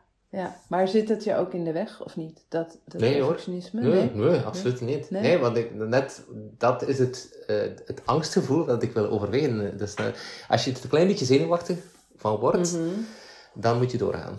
Ja, ja, ja, ja. En dan kan ik me voorstellen dat daar ook juist het plezier in zit. Ja, Ja, want dan ben je er door. ja. Dan heb je dat handje getekend. En dan heb je een heel mooi Dan sta je handje. weer op de Ja, top van ja, die ja, berg. Ja, ja, ja, ja, ja, ja, ja, ja. Nee, Maar- ja, dat, ja ik, ik herken het ook wel inderdaad. Van als je een, nou ja, een heel mooi handje, maar ook een, een mooie plooi in een kledingstuk. of. Whatever, ja. Hoe bevredigend dat Ja, is, als ja. die goed is. Want de meeste, de, ik zeg, de uitdaging zit niet, meest, meestal niet in het spectaculaire, maar in het, het evidente. Mhm. Want Ja, het, ja. het evidente eh, mag eigenlijk niet opvallen, maar het moet er wel zijn. En het Mhm. moet juist zijn. En het zijn die dingen die de mensen niet zien, maar wel gaan zien op het moment dat het niet goed gedaan is. ja. Ehm, dus, eh voilà, dat bedoel ik. En dat bedoel ik ook wel, toen ik zei van mijn studenten denken van, oh, het is iets heel spectaculair, manieristisch, technisch of whatever. Dan mag je niet verblinden voor de rest van, van het beeld uiteindelijk. Ja. Ehm, Ja, een soort van het basale, wat ook gewoon ja, goed het basale moet moet zijn. goed, goed zijn. Ja. Ja. Als je kijkt naar de grote kunst, eh, wat we knap vinden in de kunstgeschiedenis, is allemaal dat soort dingen die basaal goed gedaan zijn. Mhm. Ja, ja, nou ja, precies. Het ja. melkmeisje, Ja. goed gedaan, gewoon. Ja, ja, En- ja, kan niet anders zeggen. en eh, heb je last van onzekerheid? Of dat niet? ja hoor, Ja, dat is ook? die angst waar ik, dat de Ja. angst eh, van, wat ik net zei, niet, want, kan ik het tekenen? Want als ik er tijd voor heb en er tijd voor neem, dan lukt het. Maar eh, nu vooral, en dat zeggen de mensen ook mij, hoe doe jij dat? Hoe kom je tot die ideeën? En als ik erover nadenk van, ik moet het toch elke keer weer doen, en een, pakken we in zes uur een idee op papier zetten, dat boezemt mij angst in. Ja. Mhm. Ja. Iedere keer Omdat weer. het, ja. je staat daar telkens weer voor een soort van punt nul. Want Ja. elk, ja, maar dat heb iedereen, we hebben dat allemaal, hè. elke opdracht is anders. Mhm. Je staat elke keer weer voor een, eh, voor een eh, wit blad, maar een schrijver heeft het ook. Hè. En een, iemand die ehm, op een podium moet gaan staan, elk publiek is anders, elke avond. Dus ehm, dat, daar eh, voel ik mij absoluut niet alleen in. Nee. Ja. nee. Ja, ja, precies. Ehm, jouw, jouw allereerste editorial opdracht, hoe is die?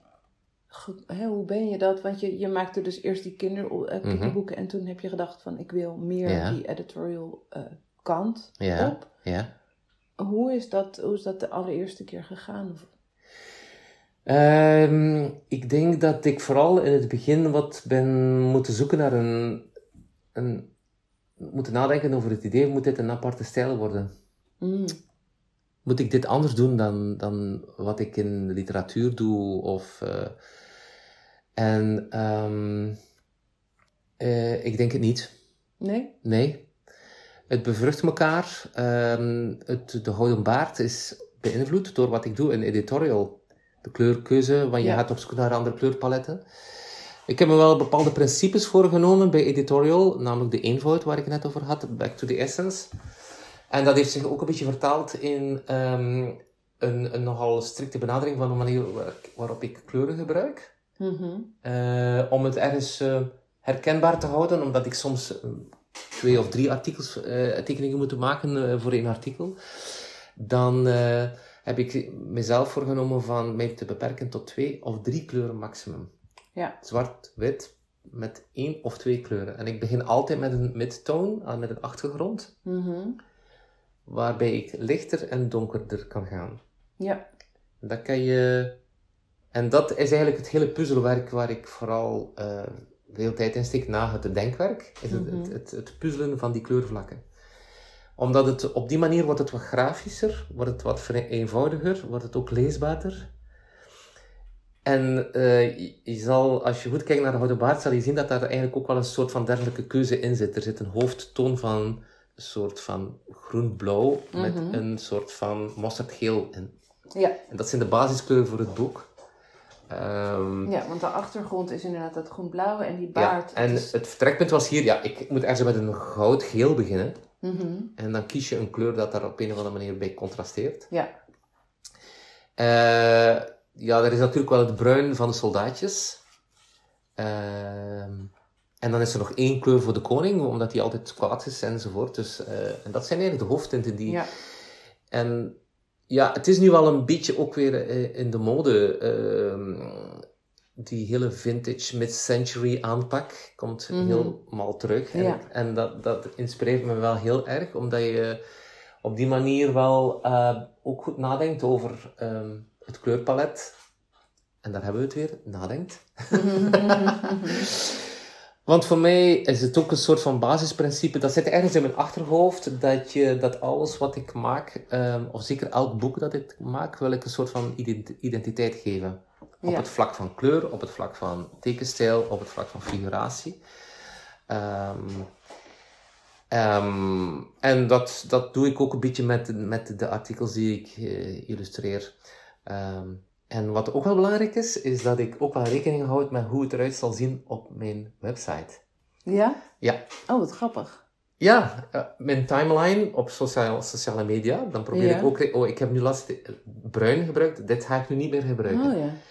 Dus daar mag ik mezelf ook nog eens moeilijk om, om, eh, om toch, ja, toch een, op in alle aspecten voldoende variëteit te laten zien en toch een soort van eenheid. Dus ja, het is, eh, ik maak het mezelf ook eh, soms moeilijk, omdat het dan ook weer mij verplicht om creatief na te denken. Ja. Ja. Van, nu moet het mosterdgeel worden. Ook al is het een onderwerp waar geen mosterdgeel in past, dan doe ik het toch. En dan, dan kom je tot verrassende, tot verrassende effecten. Ik heb bijvoorbeeld laatst ontdekt dat ik nooit, bijvoorbeeld nooit bewust, of nee, onbewust, een koud rood met een warm rood zou gebruiken in één tekening. Roze en warm rood. Mhm. Eigenlijk intuïtief, dat klopt niet. Eigenlijk, eh, op een of andere manier zou ik dat niet doen. Mhm. Maar ik heb dat nu wel bewust gedaan. Ja, precies. En dan denk je van, ja, het Ja. werkt wel. In het lezen Ja. eh, magazine Ja. van... eh, Dus nu zit ik eigenlijk in de fase van niet enkel uw figuren kunnen een identiteit zijn, niet enkel uw techniek kan een identiteit of een stijl zijn, maar ook de kleurkeuze kan een stijl zijn. Ja. Dus dat komt er nog eens bovenop. Ja. Ja. Ja. En dan moeten we Ja. het nog eens hebben over die portfolio's. Hè? Want ik, zeg, ik, zeg- ik denk dat dat ook een vraag is waar veel mensen mee worstelen. Moet er een eenheid zitten in mijn portfolio of net Ja, niet? precies. Ja, Ja, nou ja, want daar heb je het eventjes over gehad. Ja. En daar heb je het dus met Christophe Niemann. Ja, ja. over en eh, gehad? ik, eh, ja, de wereld is onderverdeeld niet alleen in eh, fans van de Beatles en de Rolling Stones, Mhm. of in fans van Billie Holiday, of ehm, hoe heet ze, de andere? Ehm ehm, dus ehm, Ella Fitzgerald. Dat is ook zoiets, hè? De wereld is 50% houdt van Billie Holiday en de andere 50% houdt van Oh, Ella. Fitzgerald. Dat is zo'n cliché, denk ik. Hè? Wel, zo is de wereld van nog art het directors meeste, ja. ook onderverdeeld. 50% wil gevarieerde portfolio's zien. Ja. 50% wil eenheid zien. Dus daar is eigenlijk geen arbitraire keuze of advies in te maken. Nee. Je moet gewoon eh, doen wat je zelf denkt dat je moet doen. Eh, er zijn net artdirectors die vinden van, ik vind het heel tof om te zien dat je heel veel dingen aan kan. Maar dan vraag ik wel altijd van, waar verwijs je naar? Mhm. Wat heb Ja. je gezien in mijn portfolio wat je leuk vindt? Precies. Ja. Ehm, en als ik dan vanuit het standpunt van de art director zou kijken, dan zou ik eigenlijk liever iemand hebben waarvan ik weet dat die variatie aan kan. Ja. Ja. Ja. Ik doe het nu Ja. ook. Ik ben nu ook art director van een magazine. Mhm. Ehm, Van Bang. Of van Nee, nee, van een ander magazine, Oké. van de Green European Journal. Dat is een soort van eh eh, boekazine dat eh, om de twee jaar, vers- om de zes maanden verschijnt. Het is een beetje politiek gelinkt tussen Europese groenen. Mhm. Maar als het de mensen samenbrengt en doet nadenken over de toekomst, dan denk ik wel, oké, nu kan ik mijn politiek wel een beetje verbranden. Mhm. En daar moeten we ook altijd mee opletten. Hè? Eh, het is toch ta- tamelijk, allee, het gaat toch over de goedheid en, en, de, en de, de goodwill van, eh, van mensen, dus daar denk ik van, dat doe ik aan mee. Ehm, en nu ben ik art director daarvan, dus ik, ik zoek illustratoren die ehm, willen, eh, die denk ik zouden passen voor dat magazine. Ja. En dan kijk ik naar sociale media, dan naar Instagram en dan kijk ik naar een website. Ja. En dan ben ik toch altijd geneigd om, na te, om te kijken naar hoe, hoe, hoe zit het spectrum van die illustrator in elkaar. Heeft hij maar één trucje? Of kan hij ook iets maken dat echt uniek is voor de Green European Journal? Want dat vind ik ook wel belangrijk. Van, Ja. eh, ik heb ooit eens voor een magazine, denk ik, drie jaar lang wekelijks een tekening gemaakt. En ik had Mhm. van in het begin beslist, ik ga dit in die techniek doen, in die stijl, met die figuratie, zodat dat het echt herkenbaar is voor dat magazine Ja. Vind ik ook al werken. En Ja. eh, dan denk ik van, dat, dat potentieel ook wel, wil ik wel zien in portfolio's. Ja. Maar ik zeg, er zijn, er zijn misschien art directors die ook zeggen van, nee, ik wil weten welke figuren ik zal krijgen. Ik wil weten welk soort kleurtjes ik zal krijgen. Ik- Mhm. En dat hangt ervan af. Dus Ja. ik, eh, daar kan ik geen eenduidig adviezen, adviezen geven. Maar ik heb ook het idee dat, ehm, hè, maar dat, dat, dat, dat geldt voor meerdere, het geldt ook voor fotografen. Ja, of- precies. dan ook. Ja, ja. Ehm, maar dat sommige fotografen, sommige illustratoren vinden het fijn om één ding Ja. te doen en dat altijd te doen. En Ja. anderen worden daar niet gelukkig van. Ja, Dus- als je daar gelukkig van wordt, dan moet je dat Precies. doen. Het kan ook een Ja. sterkte zijn, hè? Ik bedoel, en, en er zijn goede voorbeelden die, zeggen, die laten aanzien dat het wel werkt. Ja, Mhm. Kijk naar het uiveren van Philip Hofman, die maakt 16 boeken in dezelfde stijl. Ja. Over één, eh, ja, en het werkt wel, dus uiteindelijk is het ook wel een sterkte. Dus ehm, ik heb daar eigenlijk eh, die, geen oordeel over. Ik denk dat je moet voor jezelf uitmaken van wil ik dit of wil ik dit niet. Mhm. Ja, Wil ik in één stijl werken, ja of nee. ja, precies. Ehm, Als de dan- handjes maar goed zijn. en als er maar humor in zit. Ja, En inhoud. ja, ja. nou, toch een Ja. heel wensenlijstje. Ja. En je zei net van eh, eh, dat, dat journal waar je nu art director voor bent. Mhm. Ehm, dat, dat, dat je zei van, nou, ik wil me dan wel politiek eh, laten zien, omdat Mhm. het voor het goede... En dit boek, De Gouden Baard, Mhm. heeft ook wel een politiek. Ja, Dat ja. is ook wel een beetje een brutaal boek om ook dan als eerst in Amerika uit te geven. Ja, dat, is, eh, dat was nogal een... ehm, ja, ik, ik was heel erg verrast. Maar dat is ook een beetje een lucky shot geweest, ook weer. Dat we hebben het net ook Mhm. over geluk gehad. Maar nog even voor de luisteraar, want Ja. het, het is dus een boek over een koning met een gouden baard. Ja, Die, eh, nou ja, dan zijn baard laat groeien. zijn baard laat groeien en niemand anders op de wereld mag ja, een baard want hij hebben. heeft een gouden baard. Ja. En achterin staat, voor de Gouden Baard liet, hij zich, liet Klaas zich inspireren door ijdele machthebbers en hun domme uitspraken, die soms ook gevaarlijk zijn. ja. Ja, En daar heb ik het terug over inhoud, wat ik een paar tijdje geleden vertelde. Je moet iets vertellen, je moet inhoud geven aan wat je maakt. Mhm. Dus met dit boek, het is geen wijsvingertje, maar ik denk dat als eh, toch op een of andere manier, een, eh, als, je een, als je iets leest, wil je toch op een of andere manier iets leren. Want uiteindelijk, we zijn toch, mm, wat, wat mensen uniek maakt, is dat ze eigenlijk iets willen leren. Ah, dat- denk ik toch. Mhm. Ehm, ik vind, eh, er is natuurlijk wel iets aan ontspanning, maar echt het verspillen van tijd of papier vind ik eigenlijk jammer. Ehm, en het was iets dat, het is iets dat mij bang maakt. Mhm. Ehm, de evolutie van de polarisatie in onze wereld, de, de manier waarop uh, de onverdraagzaamheid uh, botviert, de manier waarop dat we elkaar uitschelden op sociale media. Dus uiteindelijk het, het, het, naar het verdelen van mensen, uh, dat is iets dat, dat ik echt erg vind en jammer vind. En ik dacht van, goed, um, ik laat dat op een of andere manier, ik, ik vertaal dat. en zo begint een boek, boek niet voor mij. Mm -hmm. um, het boek begon elk boek dat ik zelf heb geschreven tot nu toe, en dat zijn er een stuk of acht, denk ik, um, beginnen altijd met een beeld. Mm -hmm. En in dit geval van, stel eens dat iets zo lang groeit, dat het echt helemaal de wereld rondgroeit, en het komt eigenlijk aan het beginpunt terug. Het is eigenlijk een heel eenvoudig doedeltje. Ja. En, en je weet, ik, ik uh, denk alles uit, dus het zat echt, echt ergens in mijn hoofd. Uh, en het werd een baard die groeit, of iets dat groeit, dus het werd een baard. En um, toen kwam het idee van, ja, maar wat als het een koning is? En um, hij vindt zijn baard zo mooi uh, dat hij uh, eigenlijk de andere mensen verbiedt om nog een baard te hebben. Dus daar heb je eigenlijk het, het zeer rechtse, het fascistische idee van, mm -hmm. ik sluit anderen uit. Ja. En het ijdele. En, ja, dan, uh, en toen kwam natuurlijk de, de Trump eraan. En mm -hmm. um, ja, toen werd het voor mij helemaal compleet. En ik dacht van oké. Okay. En um, in die, ja, het, kwam eigenlijk allemaal op een, op een, op een dienblaadje op mij af. Uh, de ontkenning van de wetenschap. De, uh, en dus ja, men, de, de, de domheid die er soms mee gepaard gaat.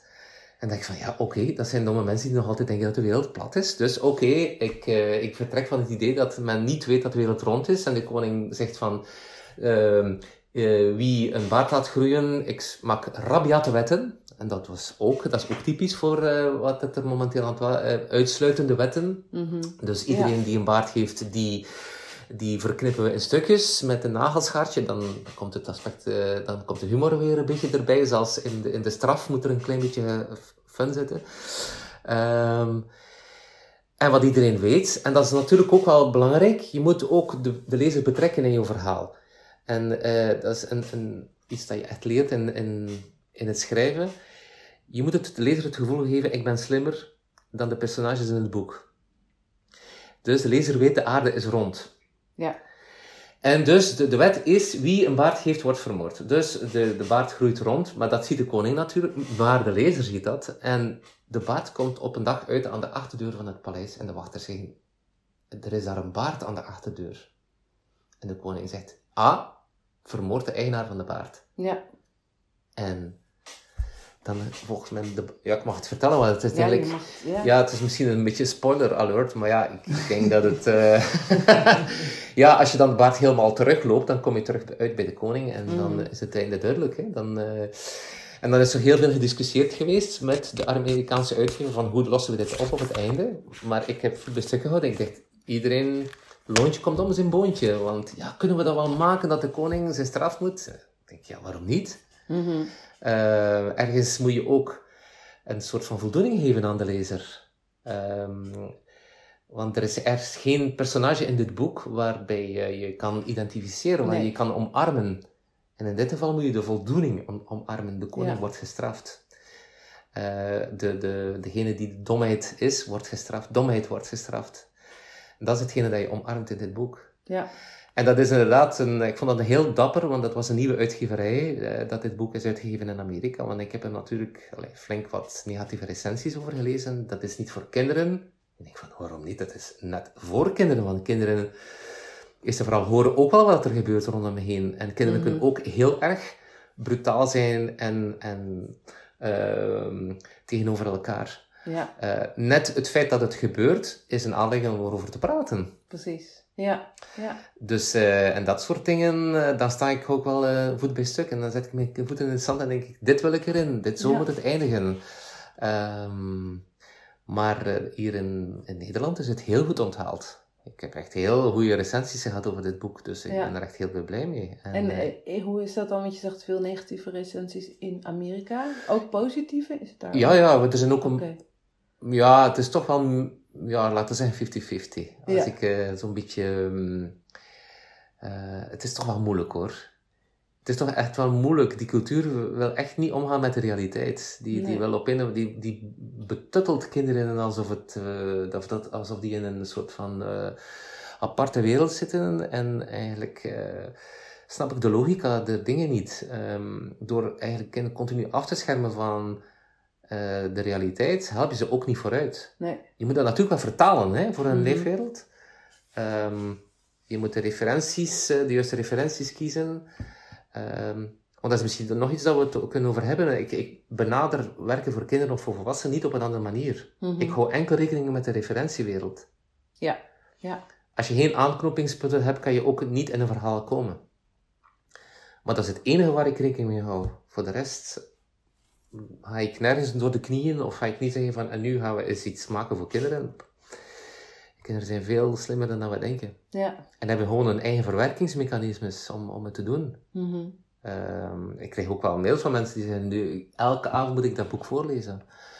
Want daar zit ook een soort van plezier in. Hè? Die voldoening is voor kinderen ook een eh, gevoel van, eh, zie je wel, als je stout bent, dan word je Ja, gestraft. precies. Eh, ja, ik bedoel, het is toch Ja, ook een soort van ja. leerschool. Ik voel die Ja. voldoening zelf ook. En dat, maar, dat, maar dat voelt ook als een kinderlijke voldoening. Dat, dat, dat voelt Ja, als een maar kinderlijk basically- in mij. Zijn we al, allemaal kinderen nog altijd. hè? Tuurlijk. Ja. Ja, gelukkig. Ja, ja. Ja. Dus, Ja.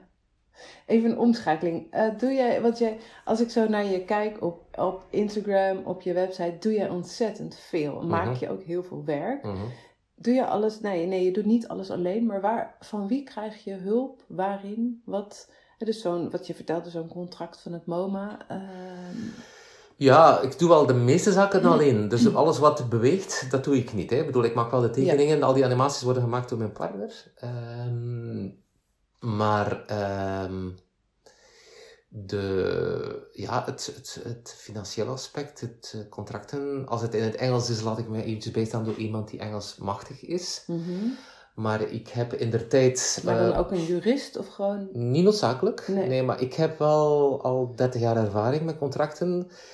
Ik heb ehm, in de jaren net na 2000 heb ik de Vlaamse Illustratorenclub opgericht. Ja, ja. Heb ik een tiental jaar gerund. eh, omdat, een beetje wat jij nu doet. Toen was er nog geen podcast. Maar ik vond ook zo van, we zitten allemaal op ons eilandje. We maken allemaal dezelfde fouten en niemand leert van elkaar. Ja. En dus dan ben ik eigenlijk, ehm, eh, ja, heb ik een poging gedaan om mensen samen te brengen. Om eh, infoavonden te organiseren. We hebben om de twee jaar een i-day georganiseerd. Dat was de, de VIC, de Vlaamse Illustratorenclub. En die Illustratorendag, de i-day, was een soort van ontmoetingsdag met, ehm, met dan bepaalde sprekers, waar dan... eh, een bepaald eh, aspect. Maar het, waren het was meestal wel artistiek, want het was nog niet zozeer juridisch of boekhoudkundig of over, over BTW of whatever. Maar na tien jaar had ik zoiets van, nu stop ik ermee, want ik heb er zoveel tijd in gestoken. Al mijn Mhm. vrije tijd ging daarin. En op dat moment ehm, kwam er vanuit Literatuur Vlaanderen, het, toen het Vlaams Fonds voor de Letteren, het is, eh, kwam er een idee om ergens zo een soort van auteursvereniging op te richten, omdat er toch wel problemen waren met contracten. Wat ik zei, in de jaren 90 was alles nogal vrij amateuristisch, maar vanaf 2000 begon alles wel vrij professioneel te worden. Ja. werden er ook contracten gemaakt voor illustratoren, stel je voor. Mhm. En dus heel dat groeiproces heb ik eigenlijk ook wel maar meegemaakt. Ja. Maar heel veel, er zijn toen heel veel dingen fout gelopen ook. eh, maar goed, dat zijn de, de kinderziektes die... ik te- maar in de marge daarvan heb ik ook wel geleerd van wat is het basisprincipe van auteursrecht? Hoe, hoe, hoe, wat bedis- bediscussieer je met een klant? Welke rechten geef je aan een klant? Eh, dat is, in het begin zijn dat allemaal abstracte woorden, maar op een bepaald moment heb je het principe wel door van hergebruik, eh, reproductierechten enzovoort. Ehm, ik heb op een bepaald moment ook een eh, bieretiket gemaakt voor een bekend bier, de Mhm. Brugse Zot. Eh, Dat is met die nar, of niet? Ja, met die ja, naar, Ja, ja. ja. Dat was ook een, een, een eerste keer dat ik zoiets heel, ja, met een, op dat moment leek dat heel klein, maar er werd dan plots een boom en dat is nu over heel de wereld. eh, Mhm. En daar is contractueel ook heel een ander fout gelopen. Ik heb mij daar ook laten, heb ook mispakt aan dat con- contract, omdat ik ook niet toen kon inschatten wat het zou betekenen. Dus daar heb ik, heel, daar heb ik veel fouten gemaakt. Ja. Daar heb ik ook veel uit geleerd. En dan denk ik van, oh, dat zal mij geen tweede keer meer gebeuren. Ja. En dan is er een, de Vlaamse auteursvereniging ontstaan. de VAV. Mhm. En die heeft, dat is echt wel een professionele organisatie. eh, zoals jullie de BNO hebben, denk ik. Ja. maar, ja de Maar dat- BNO bestaat al veel langer ook hier. Hè?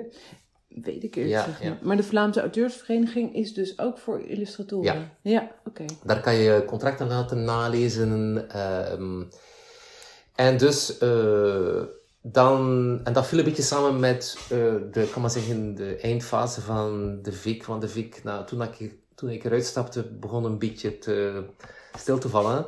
En dan is de Hanse VIK en de, het belangen, het, het- ja, de aandacht voor het illustratieaspect is eigenlijk ook overgenomen door de VAV. Ja, Hè? ja. En dus dat zit daar nu, onder één dak Ja. allemaal. Dus ik ben eigenlijk blij, eh, daar moet ik me eigenlijk niets meer van aan. En daar zitten ook juristen. ja, precies. Ja. Ehm, dus ondertussen weten ook de Vlaamse illustratoren dat ze zich moeten aansluiten bij een auteursvereniging zoals Sabam of de auteurs of ja, toen nog Sofam, maar ik weet niet of dat, dat nog bestaat. Om reprografierechten te krijgen, leenrecht. Dat zijn allemaal dingen die wij eigenlijk ook allemaal pas ja, de laatste twintig jaar hebben geleerd. Terwijl dat Ja. eigenlijk al veel langer bestaat. Ja. Maar dus vanuit het eh, VAV, het Vlaams Fonds voor de Let- de Letteren, is er ook wel een stimulans gekomen om te helpen, om mensen te helpen, auteurs en illustratoren te helpen in de ondersteuning van hun rechten en hun eh, professionele omkadering. ja. Ja. Dus, en dat is, ook wel, eh, dat is ook wel een hele stap vooruit geweest. Hè. Mhm. En dan is er een modelcontract ontworpen, waarbij eh, er, eh, uitgeverijen en de VAV hebben samengewerkt. En Mhm. je moet nu dat modelcontract gebruiken. Oh. Dus dat is een verplichting. Oh, wauw. En zeker als je Ja. nog een keer subsidies krijg, wil krijgen uit de Vlaams Fonds, of dat heet nu Literatuur Vlaanderen, maar dat heette Mhm. vroeger het Vlaams Fonds voor de Letteren. Het Vlaams Fonds voor de Letteren is eigenlijk een, een overheidsinstelling, onafhankelijk. eh, wordt wel gecontroleerd door het ministerie van Cultuur, maar Mhm. eh, bepaalt onafhankelijk zijn beleid eh, voor de promotie van literatuur in Vlaanderen. Ja, Hij heeft ook subsidies, vertaalsubsidies, werksubsidies, ehm, projectsubsidies. Dus bijvoorbeeld als een uitgeverij een vertaalsubsidie wil aanvragen voor een boek, moeten zij altijd met die modelcontracten Ja. werken, anders krijgen ze het niet. hè. Ja. Ehm, je weet, in Vlaanderen worden er ook werkbeurzen uitgereikt. Dus auteurs, eh, illustratoren kunnen werkbeurzen krijgen om boeken te maken. Mhm. Dus dan krijg je een bedrag om een aantal maanden te werken. Maar dan moet je, eh, als je het boek maakt, moet het contract daaraan verbonden ook het modellencontract zijn. Ja. Dat, dus alles is eigenlijk een beetje aan elkaar gelinkt en dat helpt wel enorm Ja. veel om de fouten en de kinderziektes eruit te halen. fijn. Ja. Maar het contract van de Houden Baard was dan weer een ander niveau. Want, ehm, dat is gepubliceerd door Mine Editions eh, US. Mhm. Dat onderdeel is van ehm, Astra Publishing, een Mhm. holding die daarboven staat. Wat dan nog eens onder... onderdeel is van Thinkingdom. Dat is een Chinese holding.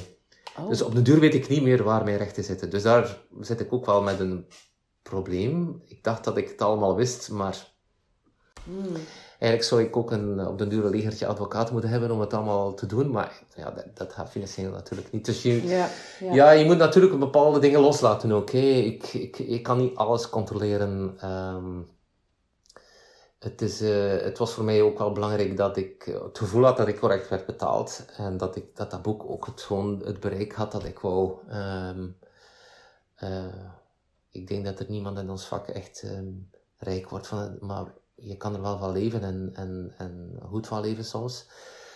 Ehm, maar je doet het niet om rijk te worden, hè? Nee. Nee, toch? Nee. nou ja, Ja. nee, je doet het omdat je... Maar dat denk ik met al het werk. Je Ja. doet het in eerste instantie omdat je het Mm, leuk ja. vindt. Ja. Tenzij geld je drijfveer is. Maar Ja. dat, nou ja. Ja, maar dat denk ik heb ik ook wel. eh, we gaan het straks misschien nog wel hebben over de adviezen, maar ik denk dat je echt wel goed moet opletten welke intenties dat je hebt als je werkt. Mhm. En dat je niet de foute intenties hebt, Nee, precies. want dan loopt het mis. Ja. En ja. daar gaat mijn eerste boek over. De, het, Het Jot. Ja, Jot. oh, precies. Ja, ja, waar je ook een eh, Ja, grote prijs mee gewonnen Ja, hebt. klopt, ja. dat, dat is eigenlijk, dat heb ik de eerste tien jaar proberen te doen. Toen ik zo in de leerschool zat, ik dacht van, ah, ik wil echt eh, succesvol worden, ik wil rijk worden met dat tekenen en zo. En, eh, maar als je echt achter iets aan gaat, dan gaat het, lukt het niet. Mhm. Tenzij dat je het een beetje met geduld aanpakt, want nu ga je denken van, ja, je hebt dat toch gedaan met New York. Daar heb ik ook, ben ik ook achter iets aangegaan. Ja, Maar wel altijd met het besef, het kan mislukken ook. ja. Dus, ja eh, precies. Ja, ja. ja. Maar als je echt, echt werkt om een, een boek maakt, want je, ja, je hoort dat dikwijls van, en met dit boek ga je alle prijzen winnen. Je kent het, je kent dat gevoel, hè? Of je met Mhm. ja, precies. Ja. en dan gebeurt er niks. Of een boek maken om een prijs te winnen, Nee, dat is niet de bedoeling. lukt nooit. Nee. Nee. ik denk als je geld wil verdienen, dan moet Ja. je in de vastgoed gaan. Toch? Ja, of de banksector, of eh, farmacie, of, Maar of, daar weet je eh, alles van. Of, eh, of, of de Big Pharma of zo, Ja. natuurlijk. Ja, ja. Ja. Ja. Maar we maken tekeningen over geld. Hè? Precies, nou ja, precies dat. Want al die, al die artikelen die ik bij op jouw website zie staan, volgens mij Ja. je die dichter bij rijkdom. dan. ja. Ja. Ja. Ehm, ik denk dat we langzamerhand naar een afronding gaan. Mhm. Zijn er nog dingen waarvan je denkt, die wil ik nog meegeven aan de luisteraar? Die, of die andere dingen Ja. die nog niet gezegd zijn? Ja, ehm, eh, een van de dingen waar ik eh, van besef van dit is eigenlijk cruciaal geweest in mijn leven, ehm, communicatie. Mhm. Eh, en dat is in, in de brede context eigenlijk over het Hans leven aan zich. Ik denk de manier waarop dat mensen met elkaar omgaan, is eigenlijk het- de sleutel van, het, van, van, van ons bestaan hier, denk ik. Dan zijn we natuurlijk bewust voor een kluizenaarsleven kiezen. Maar als je erover nadenkt, dan is alles wat goed gaat of fout gaat, eigenlijk ook gebaseerd op communicatie. Mensen die elkaar niet verstaan. Mhm. Vriendschap is net het omgekeerde. En ik heb gemerkt dat de rode draad, als, eh, als ik al kan zeggen dat ik een, een, een zeker succes heb gehad, of toch een goede carrière heb gehad tot nu toe, dan is dat eigenlijk ook ehm, gebaseerd op communiceren met mensen. Naar mensen toestappen, eh, praten met mensen ehm, en eh, ook communiceren via jouw werk. Eigenlijk Mhm. is alles wat ik maak eigenlijk een soort van opinie dat ik geef. Eigenlijk een soort van voorzet voor een dialoog. Ja. Eh, geen monoloog, geen eindpunt, maar eigenlijk een soort van fase in een, in een soort van gesprek. Een virtueel gesprek. ja. En ik, eh, ik heb dat altijd gemerkt, als je naar mensen toestapt, dat het jou vooruit helpt professioneel. Mhm. Ehm, om het heel concreet te maken, als je in New York binnenkomt, dan krijg je, eh, dan krijg je meestal de week erop al een opdracht. Mensen Oké. hebben jou gezien. ja, ja. Want ik kan Ja, natuurlijk ja. bellen, ik kan natuurlijk mailen. Maar het feit dat je daar zit aan een bureau en dat je mensen eye-to-eye contact hebt. En dat je Mhm. echt, zoals wij hier doen. Ik, heb, ik gaf er de voorkeur aan om dit te doen, omdat ik, voor mij is het veel natuurlijker. Ik, ik voel Mhm. me veel meer in mijn zijn als ik hier zit, dan als ik aan een schermpje zit of aan een telefoon. Want alles wat we hier doen, body language, de twijfel, eh, de manier waarop we schuiven op onze stoel, is deel van het gesprek Mhm. de geluiden, ehm, hoe jij reageert, de stiltes die hier passeren. Ik vind dat, eh, dat is allemaal betekenisvol. ja. Hè? ja. En ehm, ook soms zelf het initiatief nemen om iemand eh, aan te schrijven, om een compliment te geven op, op sociale media. Want hoeveel keer heb ik niet een job gehad, gewoon omdat ik bij een bepaald soort post van een art director iets schreef en zeg van, hey, tof gedaan, tof werk. En een week later komt er iets binnen. ja.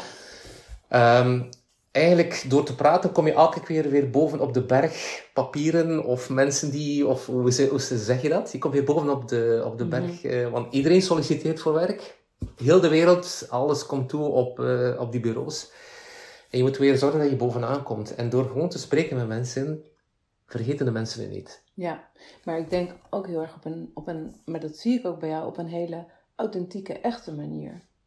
Ja, dat is, dat is de essentie natuurlijk. Hè? Nou ja, ja. maar dat is niet eh, logisch voor iedereen. Dat ik denk dat er, eh, en dan heb ik het niet over per se illustratoren, maar meer mensen in het algemeen. Ja. Als ehm, mensen denken ik wil eh, iets bereiken of Mhm. ergens succes in, dat er, Mhm. dat er ook veel, eh, ja, zeg maar haantjesgedrag, of Mhm. dat dat er ook kan zijn. Tuurlijk, ja. En dat ik ook denk van dat, dat, dat, dat voelen we ook allemaal heel erg aan. Mhm. En dat ik me kan voorstellen dat als jij inderdaad aan dat bureau zit in New York, dat jij je ook heel echt toont. En dat je niet eh, hè, je, je, je groter maakt dan je bent. Ja. dat is net de, de reden waarom ik er wil zijn, omdat mensen ook mijn twijfel moeten zien. Ja. En, en, en ook de echtheid in mijn, in mijn, in mijn gedoe. Dat ik zweet, dat ik zenuwachtig ben, dat hoort Ja. er allemaal bij. De menselijkheid. Ja. Ja. Eh, maar ik, ik zeg niet dat dat een formule is. Hè. Voor mij heeft dat echt zo gewerkt. Want Mhm. ik, er zijn mensen die niet graag communiceren ook en die toch succes hebben. Hè. Ik ken illustratoren die amper in de media komen, maar die iedereen kent. Maar dan is het communiceren op een ander vlak. Die communiceren op een andere vlak. Een andere Maar- laag. Of, Maar als je, als je echt iets persoonlijk vraagt aan mij, dan is dat voor mij de rode draad in, in, in mijn leven geweest. ja.